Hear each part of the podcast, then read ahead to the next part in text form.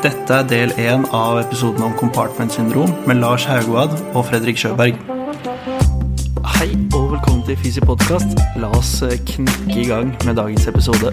Mitt navn er Fredrik Sjøberg, og i dag så skal vi snakke om compartment syndrom. Vi kommer til å Jeg har med en gjest i dag, Lars Haugvad. Eh, og som dere kommer til å høre, vi, kommer, ja, vi deler litt uh, førstehåndserfaring med det å ha compartment syndrom. Så før vi setter i gang med episoden, der dere vil høre litt om hvordan Lars skadet seg, og uh, hvilke prinsipper, eller hva et compartment syndrom er, hvilke prinsipper det er for opptrening når du er veldig atrofiert, hvis man har fått nerveskader, hvilke prinsipper kan man følge da for å få en ja, så effektiv rehabilitering som mulig? Det er ting dere kommer til å høre senere, men før vi kommer helt dit, så tenkte jeg at jeg skulle fortelle litt om min historie da, da jeg fikk compartment syndrom. Og det er jo en ganske sånn spesiell eh, episode for meg i dag, fordi eh, det er faktisk akkurat ti år siden den, jeg falt på ski. Og eh, det var jo et, et, sånn turning point som gjorde at ja, veien mot fysioterapien ble til, da. Så vi skal eh, Ja, vi kan jo bare sette i gang og prate litt om det, da. Det var 28. juni 2012. Da var jeg 17 år. Eh, vi dro en guttegjeng på til Juvas, en, et sommerskisenter i nærheten av Lom eh, Galdhøpiggen. Der setter de opp masse hopp og rails, og det er sånne triksecamper, ja. Men vi hadde, vi hadde, i hvert fall booket et langt opphold der, vi skulle være der i to uker. Altså Omtrent etter fem dager så vi hadde kjørt oss godt inn, og så stikker vi opp på breen. Og den morgenen, da, 28. juni, da merker vi at det har vært en veldig kald natt. Fordi hele hele skisenteret er liksom bare klink is, da. Og på dagtid så blir det veldig varmt. Det er på sommeren, det er sol, eh, og eh, snøen smelter opp til å bli sånn slush-aktig, da. Men vi bestemmer oss for å begynne å kjøre fra morgenen av, og vi tar det veldig rolig og gjør ting vi er veldig trygge på å gjøre, fordi det var så hardt i bakken, da. og så går det litt tid, og så spiser vi lunsj lenge. Solen kommer, varmegradene kommer. Uh, og så hadde vi på en måte ikke filmet så mye ennå, da. Så uh, sier vi gutta sånn Ja, vi tar oss og filmer en runde, da. så greit. Og så tar vi heisen opp, og så står vi og diskuterer litt på toppen av hopplinja der. Ja, hva skal vi finne på å gjøre, og så videre. Og så hadde jeg gjort et triks hele dagen da, som jeg var veldig trygg og fin på. Så jeg sa ja, ja men jeg, jeg, tar det trikset, og så får vi det på film. Så kjører eh, kula, da, Christian, ned til kulen. skru skrur på kameraet, og så kom jeg inn mot hoppet, og jeg hadde ikke helt tenkt på at nå har solen stått på, og eh, varmegraden har kommet, og det ble mykere i bakken, og jeg fikk dårligere fart. Så jeg kommer inn med altfor lite fart, da. Uh, og så hopper jeg. Mm, det sitter litt sånn fast i oppkanten fordi den er slushy, ikke sant, Må ikke isete. Og så, um, ja, så faller jeg. Og det hørtes sånn her ut.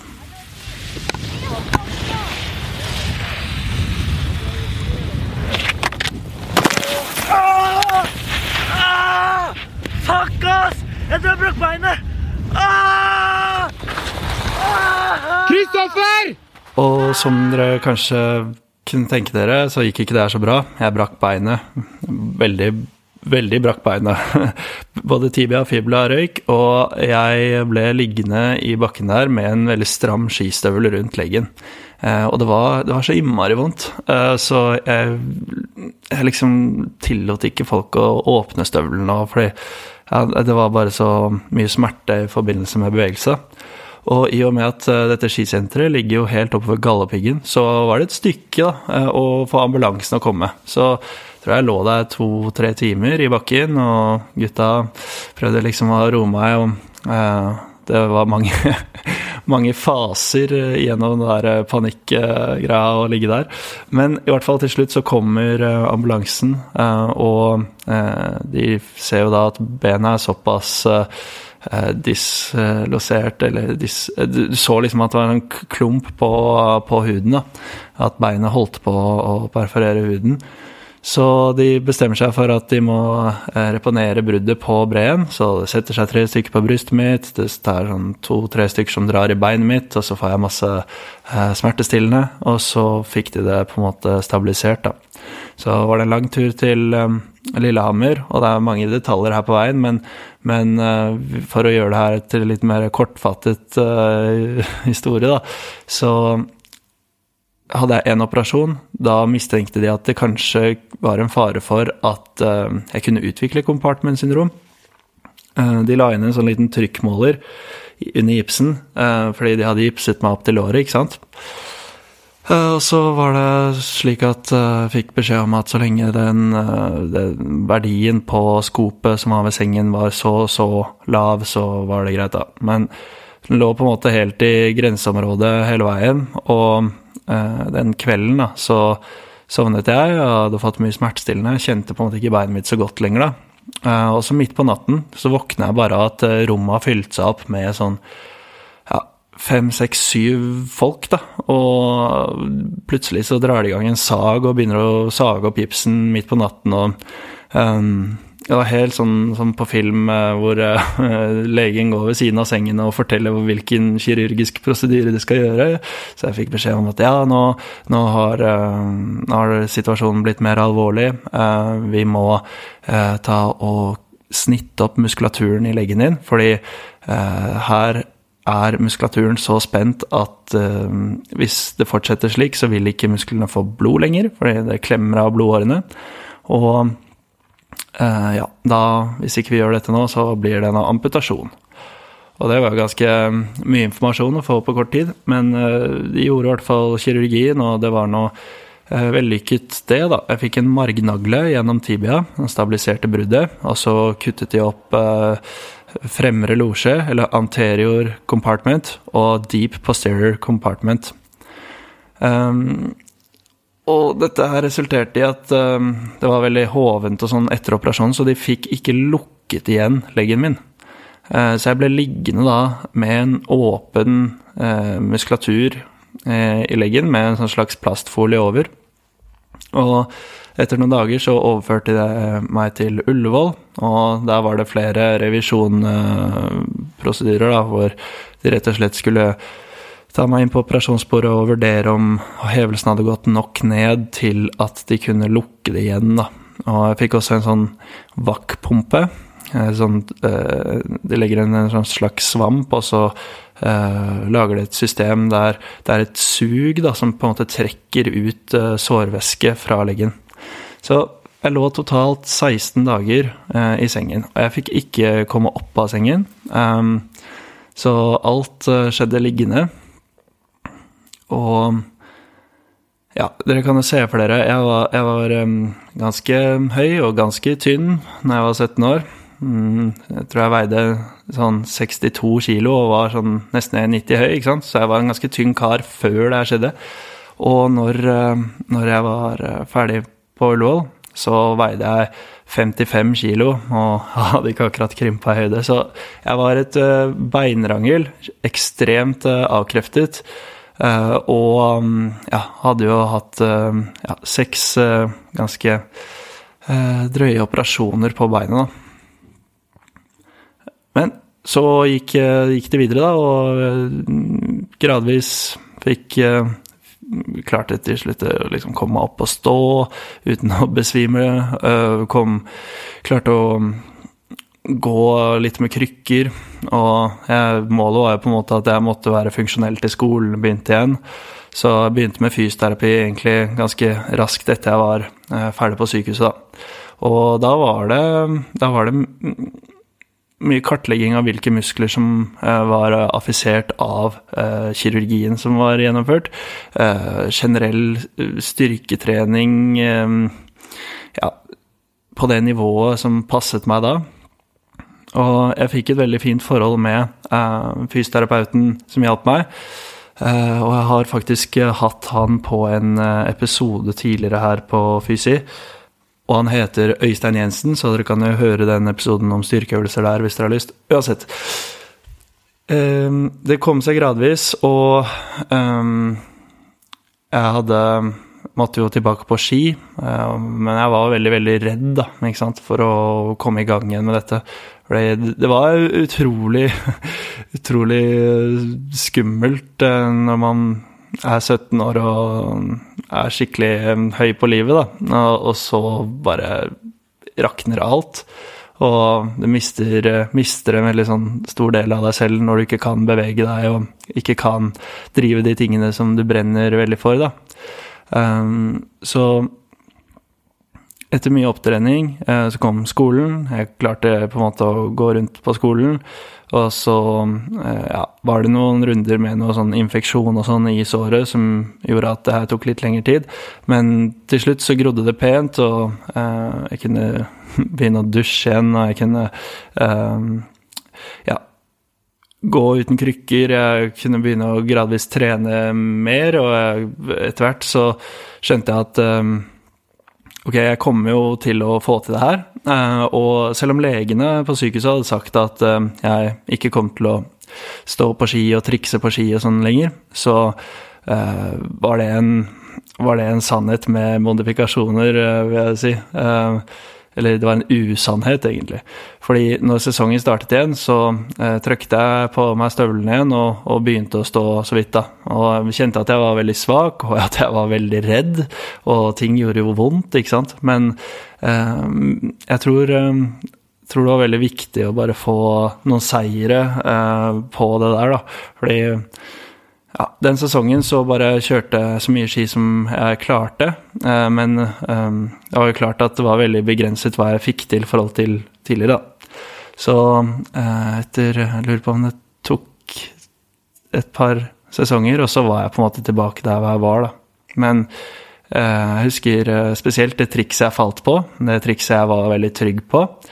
Eh, det tok lang tid før jeg turte å gjøre igjen, selv om eh, det var noe som satt i ryggmargen. Og selvsagt, når jeg prøvde å gjøre triks igjen, så gikk jo det kjempebra.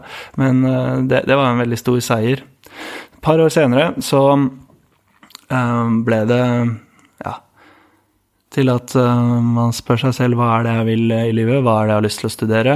Og da var jo det her en veldig sånn definerende periode for meg. Jeg vokste veldig opp uh, i hodet av å være gjennom et uh, Kall det et slikt traume, da. Og da fant jeg ut at fysioterapi, det er det, det er det, jeg skal bli god på. Det er det jeg skal gjøre. Og eh, hvis jeg kan bidra til å hjelpe noen slik Øystein hjalp meg, så, så, er det her Det er veldig meningsfullt. Så Eh, det var en liten sånn intro og min lille historie på dagens episode. Eh, nå skal, vi, nå skal, jeg møte Lars, og jeg er veldig spent på å høre hva han har å si, og hvordan hans historie er. Jeg eh, gleder meg til å Han er jo en ekstremt flink fysioterapeut som kan masse om trening. Så hvilke treningsprinsipper han tenker er egnet for uh, veldig svake, redde pasienter. Det er noe jeg vil uh, snakke med han om. Så da setter vi over til studio og går litt videre.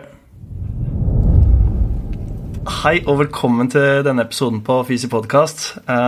I dag, som dere hørte introduksjonsvis, så er det en eh, episode som uh, står uh, både vår kjære gjest i studio her i dag nært, og meg selv. Så i dag så skal vi dele både de litt faglige påfyllet hva vi, hva vi kan om opptrening av disse pasientene, men dere skal også få høre eh, ja, den litt mer personlige siden av hvordan det opplevdes å ha, ha førstehåndserfaring med, med, dette. Dagens tema er eh, compartment-syndrom. Og eh, velkommen eh, hit på podkasten, Lars Haugvad. Det er en stor ære å få deg på. Takk, Fredrik. Det er utrolig hyggelig å bli spurt. Det er veldig kjekt å være her. Ah, det er helt konge. Um, jeg møtte deg første gang da jeg gikk på første året på fysioterapistudiet. Da drev du med noen forelesninger, og det var jo der jeg altså han, han Foreleserne har jo noe ville arr på armen. Bare what? Det, er, det der så kjent ut. Så kom vi i prat. Fant ut at vi delte flere, flere aspekter her, da. Fordi um, du står sidelengs på snø, jeg står baklengs på snø. Og vi begge har gått på snørra så det sang én gang. Uh, og dette her resulterte jo i compartment-syndrom for oss begge. Jeg fikk det i beina, og du fikk det i armen. Og i dag så samles vi da for å snakke om dette, da. Um, Sånn til hverdags, så, si, så jobber du på Olympiatoppen og er tilknyttet eh, flere ulike team der, eller jeg vet ikke hva jeg skal kalle det, men, men eh, snowboard, selvfølgelig. Det er en sidelengs kar. Mm. og, og, flere hopplandslag har også vært knyttet til en, en periode. Ja. Eh, du holder jo masse eh, fete forelesninger. Hvis dere ser Lars Haugvold poppe opp med et eller annet eh, kurs i nærheten der, så er det er hett tips å hoppe på det kurset. Denne mannen kan så altfor mye. og så, ja Hva ellers er, er, det å vite om deg, hvis jeg skal si litt om hvem, hvem du er, liksom? Ja eh, Jeg er en jovial type fra Groruddalen i Oslo. Eh, som du sier, så liker jeg å stå sidelengs. Eh, jobber jo på toppidrettssenteret, da, og på NIMI, så får jeg sett litt forskjellige pasienter der. Eh, jeg har to barn. Eh, Emily på tre og et halvt og Sofie på ett år. Så hverdagene er hektisk, så yes, klemme inn litt sideveisaktivitet når det er mulig, ja. Eh, og litt fag når det er mulig. Ja, det, høres, eh, høres, bra ut. Er, eh, hvis vi bare skal egentlig hoppe litt sånn rett i tematikk, da. Hvis bare kaster du ut Hva er et compartment-syndrom? Et compartment-syndrom er jo det vi tenker på som dårlig plass inni ja. en eh, muskellosje, eh, eller en annen type losje som vi har i kroppen. Eh, og eh, vi har jo akutte compartment-syndrom, altså akutte losjesyndrom, eller mer belastningsrett lettede eh, losjesyndrom. Mm. Og i kroppen så har vi jo losjer, det, det, er det de kalles når de omsluttes av en fase, Mm. Eh, rundt muskulatur, rundt organer, i hele kroppen har vi disse losjene som eh, beskytter og holder på plass de ulike strukturene. Og hvis vi får en skade på noen av disse strukturene, som f.eks. et eh, brudd ved akutt traume eller et slag som ikke nødvendigvis gir brudd, eller mange små slag over lang, lang tid, som mm. f.eks. Eh, masse, masse løping, mm -hmm. så kan det oppstå eh, på en måte skader som fører til eh, økt trykk, som fører til blødning, som fører til videre økt trykk i denne losjen. Um, og da begynner du å få avklemming av litt um, ulike strukturer, både nerver og blodårer. Mm. Eh, så blir det en sånn ond sirkel da, eh, som skaper noe innmari store smertetilstander. Ja, ja virkelig. Og uh, dette med at uh, dette trykket øker, det kommer jo da i stor grad av også at uh, når muskulaturen er spent og hoven inni denne fascien, så hindrer dette da eh, veneblodet å forlate området, mens det arterielle blodet får mer tilgang. Ja. Da kan vi se for oss at eh, det blir, eh, blir større og større trykk. Det er jo også litt sånn research til at vi skulle ha denne podkasten. Mm. Så så jeg litt på hva er andre årsaker til at man kan få akutt compartment-syndrom også. Det er kanskje litt mer medisinske tilstander og gjerne sånn hvis du har vært gjennom en stor operasjon, og de har spent deg opp på operasjonsbordet på en eller annen måte, sånn at eh, du har liksom ligget med trykk på muskelen lenge, da, da kan eh, det by på problemer. Er også eh, leukemipasienter og eh, sånne hemofilipasienter med liksom blødningsfare, de kan få dette. Mm. Eh, og så er det jo innimellom at disse nede på Oslo S, da, som har tatt litt mye drugs en kveld og ligger i en stilling, skjær posisjon. De kan også få dette der, sånn som du sa. Mm. er ja, repetitiv trauma, eller eh, det liksom klemmes av, da. Mm. Og det er jo Er vi på fylla og sovner med armen eller leggen i en dårlig posisjon, så du trenger ikke å være på plata for å bli liggende Det er godt poeng. Ja. eh, døddrukken. Men eh, ja, og rabdomyolyse mm. står det jo skrevet om hvis du har gjort noe hinsides tungt, f.eks. eksentrisk muskelarbeid. Så står det Kan jo det skje. Og som du nevner, hvis man har eh, etter operasjoner, hvis man har autoimmune vaskulitter, eh, altså blodåresykdommer, eh, kan jo også trigge dette her. Eh, økte trykket. Så det er flere årsaker, som du sier. Ja, absolutt. Um, I dag så skal vi fokusere på den akutte varianten. Um, jeg vet ikke om vi bare skal si noe kort om den, uh, det som defineres som kronisk uh, compartment syndrom. Uh, uh, det var som du sa, at det er gjerne repetative øvelser. Jeg, kanskje unge løpere, syklister, uh, som holder fælt på. Og teorien der, hvis jeg har skjønt rett, er at det blir en midlertidig økning av trykk inni fasien. Og så på en måte substituerer det etterpå. Så er det på en måte noe du er plaget med, da. Og, eh, men behandlingen er jo eh, lignende, i hvert fall. Det slipper kanskje de ekstra tingene som kanskje kan komme hvis du har en akutt situasjon, da. Men det er en sånn fasiotomi, da, eh, som er behandlingen der òg. Mm, jeg tror, men jeg tror også det er Når du snakker om det her den kroniske som kommer av de som trener, så tror jeg også det er, det er litt omdiskutert det å faktisk gjøre en fasektomi Ja. eh, av de tilstandene. For du ser at veldig mye hjelper med type belastningsstyring og an, endre treningsmodalitet. Ja. Um, og så viser det seg jo på en måte symptomene og det vi skal se etter. Du skal sikkert komme litt inn på det eh, også. Men det er jo en litt annen type smerte.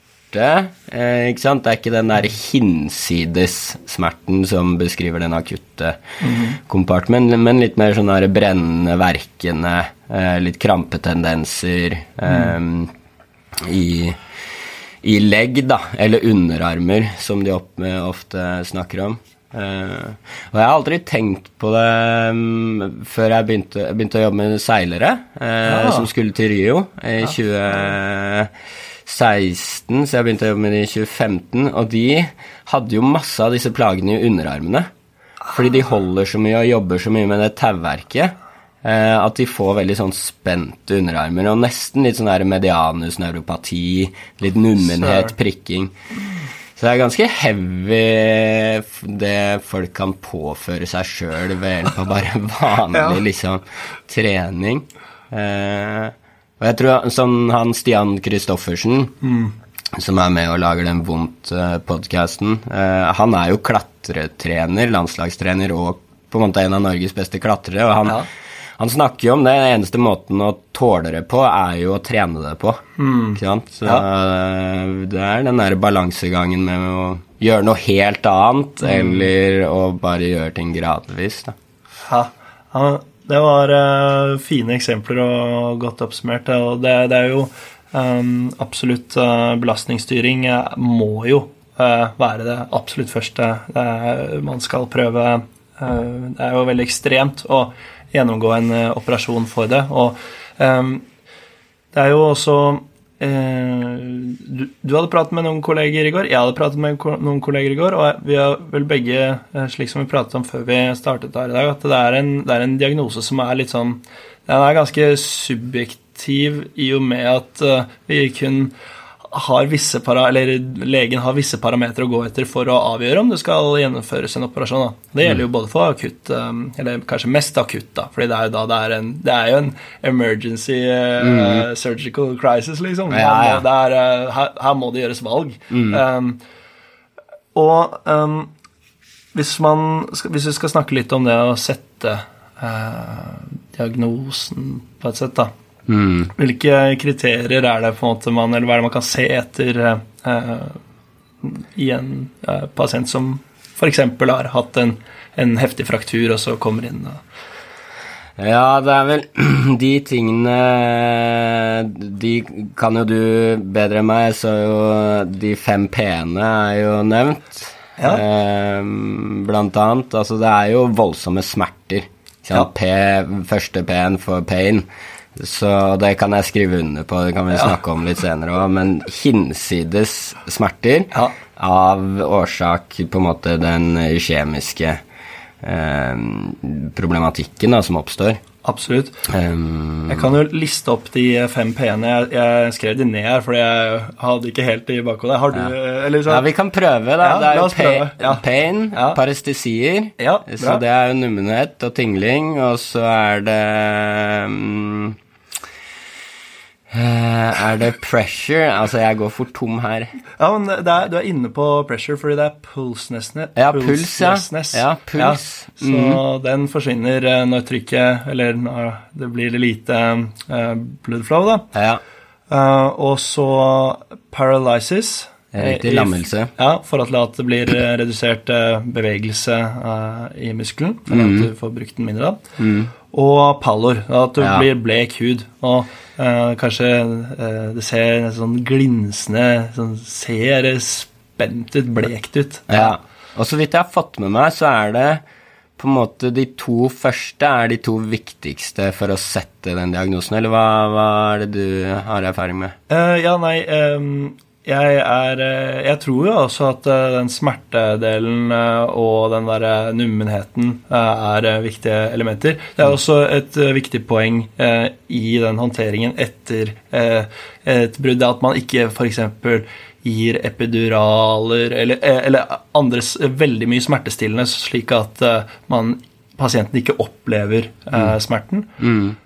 så det er jo et viktig poeng hvis man da skal uh, håndtere og finne ut av hva som er, uh, er greia her, da. Ja, og det som eh, også er kanskje et poeng, er at det, dette er jo symptomer på arteriell insuffisiens, altså en skade på det arterielle Ja. eh, systemet.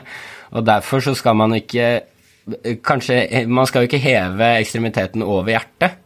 Eh, Det er jo et poeng som kommer Ja. fram, og det tenker vi er veldig sånn kontraproduktiv, fordi vi har jo lært at man skal jo heve ting over hjertet for å få ned hevelsen. Ja. Men her skal man altså holde det i hjertenivå for å på en måte fremskynde den arterielle eh, sirkulasjonen.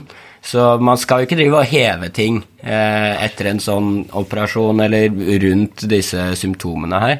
Eh, Steike, nå fikk jeg jo déjà vu tilbake til sykehustidene når uh, De var jo veldig opptatt av dette her. At um, når jeg lå der, at jeg skulle ha det i hjertehøyde. Uh, men um, ja, jeg kan jo nevne én ting til i forhold til den derre de, Man setter inn en sånn trykkmåler inni Man stikker en nål inn i muskelen, og det er en sånn ICP-måler som måler i millimeter kvikksølv. da. Og en ICP-måler er faktisk det samme man måler eh, intrakranialt trykk med. Det er samme type måler vi bruker i det. En eller annen eh, luring som har funnet dette der, da. Men eh, det, det målet den gir, det er ikke slik at i en, i en vanlig muskel så har vi ca. 10 mm kvikksølvtrykk. Og da er det liksom da er diagnosen hvis det er over 30, da. Men disse, disse målerne er ikke så Vi skal ikke stole så mye på de, og jeg tror ikke det alene er en indikasjon for at man skal gjennomføre en kirurgisk eh, prosedyre da, på det. Eh, Men eh, når det er sagt, har du lyst til å fortelle litt om dagen du gikk på, trynet i bakken? ja, jeg tenkte Jeg har tenkt mye på det i forbindelse med at du inviterte meg hit. Og det er, det er veldig rart, som du sier, å gå gjennom det som har skjedd en gang til. Det er jo som du får den derre litt rare fornemmelsen i kroppen eh, ved å huske tilbake etter ting. Det aktiverer mye både hippocampus og amygdala-aktivitet. Eh, nei, altså Jeg var i Hemsedal da, og sto sidelengs. Eh, var sammen med en eh, god kompis, Martin Skogholt, og vi kjørte på det største hoppet i, i parken og skulle filme litt. Eh, kjørte en del før lunsj. Og så eh, tok vi lunsj, og da mens vi tok lunsj eh, og samla energi til liksom å skulle gå og filme igjen og større, gjøre litt større triks, så hadde de salta hoppene, fordi da hadde sola begynt å komme. Så oh. da var det ganske mye mer fart. Ja, da var det god fart. Så ja, eh, så da overshoota jeg veldig hoppa altfor langt, da, mm. og landa med armen under meg. Og skjønte jo med en gang at den var brekt. Ja. det var høyre håndledd. Så jeg så jo at den var brekt, og jeg kjente det. Den var veldig sånn deformert. Eh, og vi kjørte da Eller jeg, jeg ble henta med sånn slede, pakka inn, sendt ned i bunnen i, i dalen og sendt til legevakta, eh, hvor de reponerte Prøvde å reponere eh, De måtte dra bruddet liksom fra hverandre for å reponere det. Ja. Og så satte de på en gips. Eh, helt etter på en måte protokoll, eh, så det er ikke noe å si på det. Eh, men så tror jeg at Altså, i den perioden så var jeg jo eh, syk også på andre måter. Jeg hadde en litt sånn autoimmun reaksjon i kroppen som jeg hadde hatt siden 2011. Eh, hvorpå jeg hadde hatt masse sånn subkutane ødem i kroppen, jeg hadde fått masse vaskulitter og artritter, så bodde jo her en god stund på Riket og hadde fast, eh, fast seng bort på revmatisk avdeling. Steike, Eh, og denne Henok Schönlein-diagnosen, altså autoimmun vaskulitt, som de mente jeg hadde, den fikk jeg jo mye medisiner for. Ehm, så jeg hadde jo eh, da Oxynorm og Oxycontin med meg og gikk ganske fast på eh, morfinpreparater Oi, ja. pga. de smertene. Men den smerten jeg fikk den natta etter at jeg hadde fått på den gipsen, oh, ja. Det er det villeste jeg noensinne har hatt. Så da husker jeg at jeg sto opp, gikk vi bodde i campingvogn, for jeg har campingvogn der. Ja. Gikk ut klokka to på natta og gravde meg et sånt høl i en sånn snøfonn og bare stakk armen nedi der og sto der i et par timer for å kjøle ned hele armen. Og så vekka jeg eh, frua mi klokka fire om morgenen og sa at vi må kjøre inn til Oslo. Ja. Eh, Så da kjørte vi til legevakta, og eh, jeg tror jeg fikk bytta gips. Ehm, Så dro vi hjem, og så hadde jeg jo veldig mye morfin hjemme, så jeg tok jo veldig masse smertestillende. Ja. Eh, For de smertene Det var jo helt hinsides. Ja, fy Ehm, og så dro vi på Bærum sykehus fordi jeg hadde noen kontakter der som jeg ville at skulle skifte den eh, Så jeg skifta den eh, gipsen en gang til. Ja. Jeg mente liksom at den var for trang. Alt Ja. var for trangt. Jeg mist, begynte å bli nummen i fingrene, begynte å prikke og stikke, klarte ikke å bevege fingrene. Ja. Skifta gipsen på nytt, tror jeg, og så dag tre Natt til dag tre, da hadde jeg så Da, da hadde jeg så hinsides vondt og var så utmatta at jeg fikk samboeren min til å kjøre meg til legevakta. Ja. Og da husker jeg liksom bare sånn bruddstykker av at eh, jeg på en måte nesten gikk ned på kne og sa nå må dere gjøre et eller annet. Ja. Fordi det her kan ikke være riktig. eh, og så ble jeg frakta opp til uh, Ullevål sykehus på akuttmottaket. Og det siste jeg husker, var eh, Og da var broren min der, fordi han var lege, og samboeren min. Så husker jeg at han som møtte oss på akuttmottaket, sa at jeg er ikke sikker på hvor mye du har igjen av armen din når du våkner. Fy Og så uh, husker jeg ikke så mye mer. shit, ass. Det, men det var liksom Det spilte ikke så stor rolle. De smertene var så store at det var liksom de, Om de bare kunne kutte av meg den armen, eh, det hadde ikke spilt noen rolle for meg. Fordi de smertene var eh, Det var helt hinsides. Ja. Eh, du får helt sånn blackout. Eh, veldig fascinerende. Ja, er, jeg, får, jeg blir helt sånn satt ut selv av å høre om det. Det er jo mye flashbacks i de greiene der, og man ser jo, man ser jo at uh, man blir jo liksom nesten litt prega av å prate om det, fordi det er veldig dramatisk når man uh, står i en sånn situasjon, og det er så fordømt vondt og Mm. ja, Når liksom Lars Haugad bare kutta med armen, liksom. Ja, Da, ja. da snakker vi. Ja, da snakker vi. Ja. Å, fy. Men ok, det, du, uh, du har arm her du sitter nå, og, uh, men fortell litt om liksom eh, hvordan eh, det var når du våknet, og hva, hva skjedde i de neste dagene, og, og hvordan funka armen? Eh, nei, de, jeg våkna opp, og da hadde de satt en ekstern fiksasjon da, i, eh, i armbruddet. Eh, og armen hang jo fortsatt på. eh, og så så jeg bare at jeg hadde en sånn slange ut fra underarmen, og at de hadde snitta opp fra inni håndflata og opp til albuen. Så det jeg så, var egentlig bare sånt stort, åpent eh, på, og tildekt med noe sånn lett materiale. Åpent sår fra armen, eh, håndflata til albuen, og med en pumpe inn som drenerte dette trykket, da. Og det er jo det de gjør. De legger jo inn en sånn Va Vakkpumpe? ja, er det vel det? ja, riktig. Ja. Eh, Så jeg lå med den i den ene armen, og så lå jeg med intravenøs morfin i den andre armen.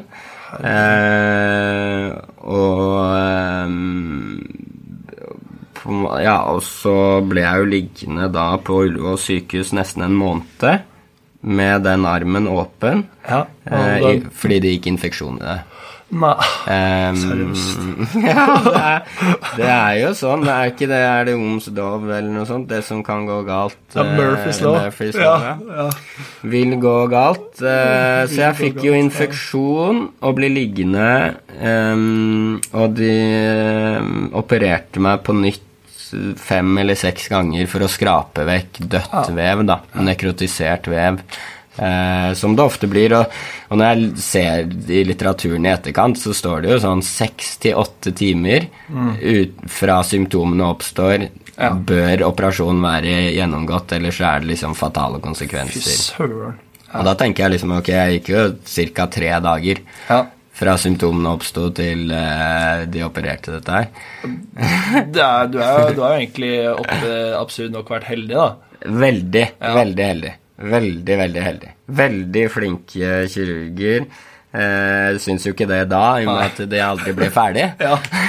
og som vill ventetid. Der følte jeg fasta i tre uker. Så jeg tror jeg gikk ned liksom åtte-ni kilo av å ligge der på morfinrus og smertehelvete Oh og, og sånn her fastende og vente på ny operasjon. Ja. Så det er funny hva en skal gjennom, ass. Eh, Det å være en pasient på norsk sykehus. ja. Eh, nei, så jeg ble liggende der en stund. Eh, jeg hadde jo gode kolleger. Så Lars Engebretsen, som er ortoped, eh, Ja. som jeg jobber med, har jo kommet jo innom meg og smilte blitt, blitt og Mark Strauss er jo ortoped, som jeg jobber sammen med. Han jobbet også på Ullevål da og kom innom. og ja. så jeg ble jo veldig godt ivaretatt, eh, vil jeg si. De prøvde jo så godt de kunne. ja, ja. Men eh, hvordan, hvor var du i sånn uh, Hvor gammel var du, og hvor uh, utdanningsløpet var du? holdt jeg på? Hadde du begynt på fysioterapi og sånn? Ja. ja, det her var i 2015. ja. Så det var Jeg var ferdig med manuellterapiutdanningen um, for ja, ett år før. Ja. Så um, jeg Dette her skjedde jo rundt påsketider, og så skulle jeg egentlig jobbe til European Games den sommeren. Eh, men det fant jeg fort ut at, at uh, det kunne jeg ikke. Så jeg var ferdig med på en måte utdannelsen min, men jeg skulle jo fortsatt reise, da. Så jeg skulle jo reise med disse hopperne jorda rundt. Eh, heldigvis ikke før til vinteren, egentlig, så min første målsetning Altså, vi gjør, gjør jo oss noen tanker når vi ligger der. Ja, ja. Eh, det, sånn som du også, at du skal gå og kjøre baklengs igjen. ja, ja. ja. Så, Man, eh, ja. Man kan tvile på de tankene om eh, hvordan den eh, fremtiden vil se ut òg. Man blir uh, trykt eh, skikkelig godt ned når man får ligge der og faste og får vente på operasjonene sine. ja. Det, det er ganske ja, heavy for en uh, ung uh, kar eh, som liksom uh, er litt udødelig, da. ja, ikke sant? Man føler ikke det. Føler ikke udødelig. Nei. Altså, jeg husker det første jeg tenkte på, var sånn Ok, nå kommer jeg ikke til å klare å liksom komme meg opp på et surfebrett. Fordi da trenger jeg jo begge hendene mine, og jeg trenger ganske bra dorsalfleksjon Ja. for å presse meg opp på et surfebrett. Og jeg visste jo at eh, Og så skulle jeg til Sri Lanka et halvt år etterpå, så jeg husker liksom Å, det kommer ikke til å gå. det kommer ikke til å gå. Får- Takk for at du hørte på Fisi podcast. Håper du likte denne episoden. Følg oss gjerne på Facebook og Instagram. Der har vi ukentlig quiz og deler relevant fagstoff. Husk å abonnere og rate podkasten, slik at vi når ut til flere.